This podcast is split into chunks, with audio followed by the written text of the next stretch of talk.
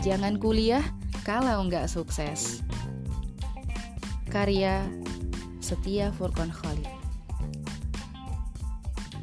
3.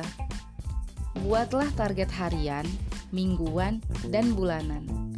Orang-orang sukses biasa menjalani hari dengan perencanaan yang matang, target yang terukur, dan evaluasi yang mantap. Luangkanlah waktu untuk mulai menyusun kembali beberapa rencana yang terabaikan, target yang tidak terrealisasikan. Ingat, tidak ada kata terlambat untuk berubah.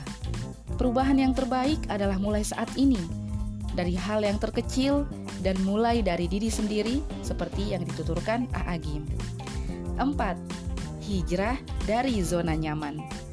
Boleh jadi faktor kemalasan dan ketidaksanggupan kita untuk berubah adalah lingkungan yang tidak kondusif, teman yang tidak produktif, atau bahkan posisi yang menjemukan. Mulailah mengubah semuanya secara bertahap Mungkin dari kamar tidur yang diatur agar semakin nikmat membaca, bukan malah menjadi nikmat tidur. Atur pula pencahayaan yang boleh jadi menghambat kita dalam membaca atau mengerjakan tugas.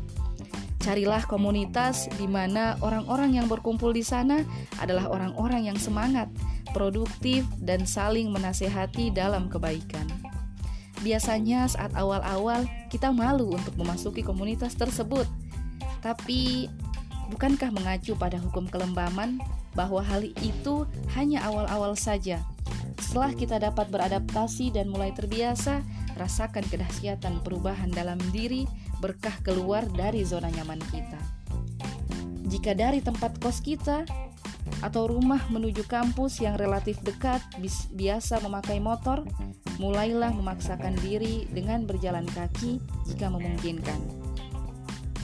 Di samping irit bensin, tubuh pun menjadi sehat karena banyak bergerak.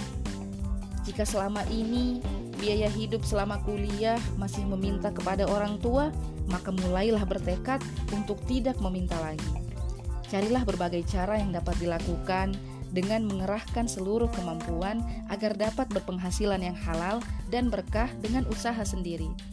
Bukankah sebuah hadis menyebutkan bahwa makanan terbaik adalah yang diperoleh dari hasil kerja keras sendiri. Ada beberapa kata-kata motivasi. Kelelahan kita adalah kumpulan-kumpulan energi untuk melintasi kelelahan berikutnya, hingga kita tidak pernah lelah. Bahkan lelah telah lelah mengejar kita. Inspirasi dari seorang sahabat. Ada orang yang terus bekerja, namun tidak ada sedikit pun yang ia dapatkan. Ia berkata, "Lelah." Di saat yang sama, ada orang yang terus berkarya, banyak yang telah ia berikan untuk Allah. Ia berkata, "Lillah." Inspirasi dari seorang trainer.